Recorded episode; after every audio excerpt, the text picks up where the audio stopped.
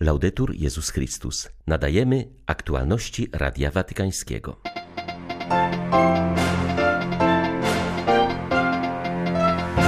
Przyczyny niedorozwoju niektórych krajów są wciąż te same. Jedną z nich jest brak edukacji, powiedział papież na audiencji dla kościelnego dzieła wspierającego alfabetyzację w krajach misyjnych.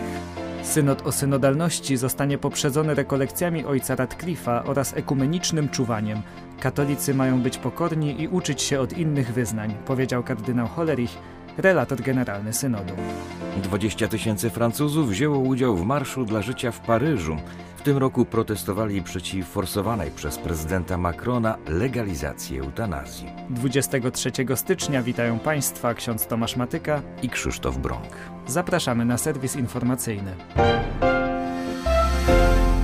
Papież przyjął na audiencji przedstawicieli dzieła promocji alfabetyzacji. Jest to kościelna organizacja, która od ponad 50 lat wspiera przede wszystkim szkolnictwo w krajach rozwijających się. Jego aktualnym przewodniczącym jest kongijski kapłan Robert Kasereka Ngongi, który sam nauczył się pisać i czytać dzięki pomocy tej właśnie instytucji. Nie mogłeś się spodziewać, że pewnego dnia będziesz kierował w Rzymie tym dziełem. Takie są Boże niespodzianki. On jednak chce się uzależniać od naszej solidarności, powiedział papież. Franciszek przypomniał początki tej organizacji. Powołał ją do życia ksiądz Carlo Muratore, który jako misjonarz zdał sobie sprawę, że istotny element ewangelizacji i promocji człowieka stanowi edukacja. Były to lata, kiedy Paweł VI napisał encyklikę Populorum Progressio, jasno określając rozwój jako drogę do pokoju, a nie może być integralnego rozwoju człowieka bez edukacji, powiedział Franciszek. Chciałbym podjąć na nowo apel wystosowany przez Pawła VI w Populorum Progressio. Kiedy jeszcze raz czytamy te wielkie dokumenty papieskie z lat 60., to samo dotyczy Pacem Interris świętego Jana XXIII, uświadamiam sobie, jak bardzo są one aktualne i że niestety ich przesłanie nie zostało przyjęte. Owszem, wielu przytakiwało, ale w rzeczywistości model rozwoju nie zmienił się aż do dziś. Oznacza to, że pomimo wielu wspaniałomyślnych dzieł Solidarności prowadzonych przez instytucje świeckie i kościelne, przyczyny niedorozwoju nie zostały wyeliminowane. Otóż wasza praca ma na celu właśnie usunięcie jednej z przyczyn niedorozwoju, jaką jest analfabetyzm. Paweł VI napisał: Edukacja podstawowa jest pierwszym celem planu rozwoju. Głód edukacji jest w rzeczywistości nie mniej wyniszczający niż głód jedzenia. Widziałem, że w waszym logo widnieje napis Opam chleb edukacji. Tak, to prawda. Jak pisał Paweł VI, chcemy cieszyć się z dobrej pracy, jaką w tej dziedzinie wykonują inicjatywy prywatne, władze publiczne i organizacje międzynarodowe. To one są pierwszoplanowymi sprawcami rozwoju, ponieważ zmierzają do tego, by człowiek sam stał się kowalem swego losu.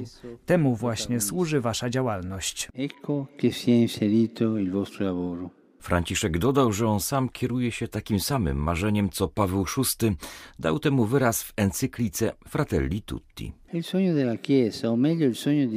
Jest to marzenie Kościoła, a raczej marzenie Boga, który pragnie świata, gdzie wszyscy możemy żyć jako bracia i siostry w pełnej godności. Dziękuję Wam ponieważ dzięki waszemu codziennemu zaangażowaniu współpracujecie w realizacji tego marzenia o braterstwie i przyjaźni społecznej, nie ograniczającej się tylko do słów. Kiedy we współpracy z tak wieloma misjonarzami pracującymi w terenie opracowujecie i realizujecie projekt edukacyjny lub pomoc szkolną czy adopcję na odległość, przyczyniacie się do tworzenia świata otwartego, w którym wszyscy są wspierani na drodze swojego życia, nie tylko po to, aby zapewnić im podstawowe potrzeby, ale aby mogli dać z siebie to, co najlepsze.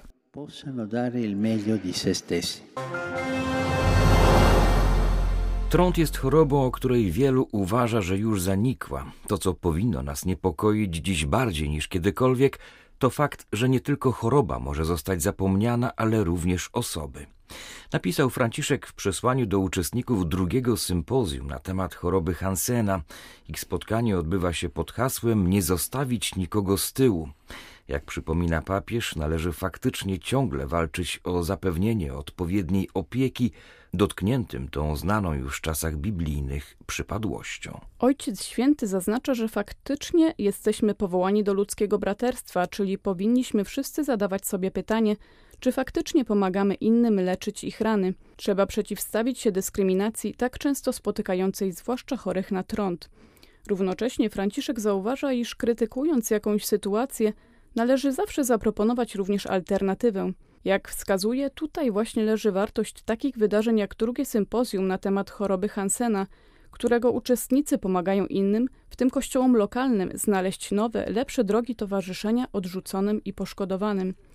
Zarażonych trądem należy traktować w pełni jako osoby, podkreśla papież. Synod biskupów o synodalności zostanie poprzedzony rekolekcjami dla wszystkich jego uczestników. Poprowadzi je ojciec Timothy Radcliffe, jeden z najbardziej wyrazistych teologów we współczesnym kościele. W latach 1992 do 2001 był generałem zakonu dominikanów. Informacje o takim duchowym przygotowaniu podał kardynał Jean-Claude Hollerich, relator generalny synodu. Przedsynodalne rekolekcje potrwają od 1 do 3 października. Purpurat uczestniczył w konferencji prasowej prezentującej ekumeniczne czuwanie, które poprzedzi synod. Chodzi o modlitwę otwartą dla wszystkich w obecności papieża oraz przedstawicieli innych wyznań chrześcijańskich. Dojdzie do niej na placu Świętego Piotra 30 września wieczorem, a zatem na cztery dni przed rozpoczęciem zgromadzenia synodalnego. Czuwaniu będzie też towarzyszyć weekendowe spotkanie młodzieży zorganizowane przez wspólnotę STZ. To równoległe wydarzenie potrwa od 29 września do 1 października pod hasłem Razem Zgromadzenie Ludu Bożego. Jest przeznaczone dla młodych w wieku od 18 do 35 roku życia, którzy zostaną ulokowani w różnych rzymskich parafiach. Przewiduje się wspólne modlitwy, dzielenia i dyskusje. Kardynał Hollerich zauważył, że papież Franciszek od samego początku życzył sobie, aby synod o synodalności miał wyraźny wymiar ekumeniczny. Jest to niezbędne, by katolicy mogli się uczyć od innych wyznań chrześcijańskich. Myślę, że musimy być pokorni i w tej pokorze patrzeć na inne wyznania, na inne wspólnoty chrześcijańskie. Nie chodzi tu o jakieś ćwiczenie, które można zrobić w sposób abstrakcyjny. Dlatego nie chcę wyliczać rzeczy, jakich mamy się nauczyć od innych. Myślę, iż ma to być duchowe doświadczenie każdego z uczestników synodu. I chodzi tu również o spotkanie. O to, by spotkać się z innymi ludźmi, a nie jedynie z naszymi wyobrażeniami o nich. Tylko wtedy możemy się od nich uczyć. W ten sposób kształtujemy nasze człowieczeństwo w dialogu.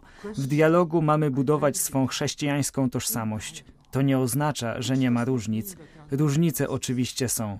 Gdyby ich nie było, stanowilibyśmy jeden Kościół. Jednakże uczenie się od siebie nawzajem zbliża nas do siebie. The mutual learning process will bring us closer together. Wiele bólu i krwi znów zrujnowano kolejne miasta i wioski, podkreślił dziś w swoim orędziu arcybiskup Światosław Szewczuk. Rosjanie ostrzelali w ciągu ostatniej doby szczególnie okolice Charkowa, Zaporoża oraz Nikopol, gdzie ludzie często wyjeżdżają na noc w pole, aby nie spać w swoich domach w obawie przed rakietami.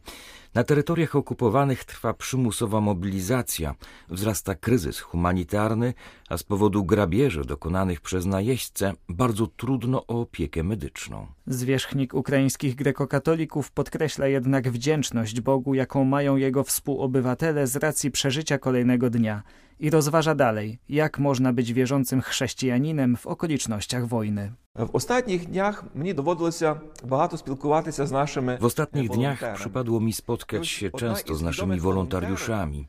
Jedna z nich powiedziała takie zdanie: Podczas wojny wierzyć to znaczy przeżyć. Ten, kto wierzy, wierzy w Boga, ma nadzieję. Nadzieję nie na ludzkie siły i zdolności, ale nadzieję na nadprzyrodzoną moc Bożą, objawiającą się nawet w naszej słabości. Dlatego wierzyć w Boga oznacza być zdolnym do przeżycia w owych krytycznych okolicznościach wojny. Stąd też my, chrześcijanie, mamy szczególne powołanie. Nie tylko otrzymać od Boga dar, dar wiary, chrztu, nadziei, ale dzielić się owym darem z innymi, bo nie możemy schować Bożych darów, jakie otrzymaliśmy. Nie możemy ich przywłaszczać dla samych siebie. Im więcej się nimi dzielimy z innymi, tym więcej Pan nas obdarowuje. Więc dzielimy się sekretem przeżywania i wytrwania z tymi, którzy mogą dziś być załamani, którzy zaczynają tracić nadzieję, ulegać zmęczeniu, zagubieniu w tak dramatycznych okolicznościach. Dlatego dzielmy się naszą wiarą. Jeśli naprawdę pomożemy licznym pozbawionym nadziei znaleźć nadzieję, licznym pozbawionym wiary znaleźć wiarę, wiarę w Boga, w Jego potężną moc, która nas wspiera, wówczas jako chrześcijanie wniesiemy swój wkład w zwycięstwo Ukrainy. W перемогу України. Ponad 20 tysięcy Francuzów przeszło wczoraj ulicami Paryża w obronie życia. Doroczny marsz koncentruje się zwykle na zwracaniu uwagi na zabijanie nienarodzonych dzieci. w tym roku w centrum znalazł się temat eutanazji. Wyrażano też sprzeciw wobec projektu uznania aborcji za prawo konstytucyjne. O temacie tegorocznego Marszu dla Życia w Paryżu zadecydował poniekąd sam prezydent Macron, kiedy we wrześniu ubiegłego roku otworzył debatę społeczną na temat eutanazji i wspomaganego samobójstwa. Jej celem jest przeforsowanie legalizacji owych praktyk do końca tego roku. Uczestnicy Marszu dla Życia głośno sprzeciwiali się inicjatywie prezydenta, podkreślając, że eutanazja nie może być sposobem na reformę emerytalną we Francji. Przewodniczący marszu Nicolas Tardy-Joubert przypomniał, iż prawdziwy problem leży gdzie indziej. Choć wszyscy Francuzi mają ustawowo zapewniony dostęp do terapii paliatywnej, w rzeczywistości aż 70% z nich nie posiada w praktyce takiej możliwości. Przed konsekwencjami legalizacji eutanazji ostrzegał zebranych profesor Timothy Divos, lekarz z Uniwersytetu w Lowaniu. Podkreślił on, że w Belgii 20 lat po depenalizacji tego procesu Jedna trzecia ofiar wciąż nie jest w ogóle zgłaszana. Coraz częściej o eutanazję proszą ludzie starzy lub osłabieni, którzy bynajmniej nie znaleźli się w końcowej fazie życia, lecz nie chcą być obciążeniem dla innych. Północny Irak doświadczył w ostatnich latach poważnych zniszczeń, zwłaszcza gdy znajdował się pod kontrolą państwa islamskiego. Mosul, największe miasto regionu oraz drugie co do wielkości w całym kraju, powoli odzyskuje swój dawny wygląd. Z pomocą władz oraz UNESCO odbudowuje się tam na przykład wielki meczet Al-Nuri czy syriacko-katolicki kościół Al-Tahira.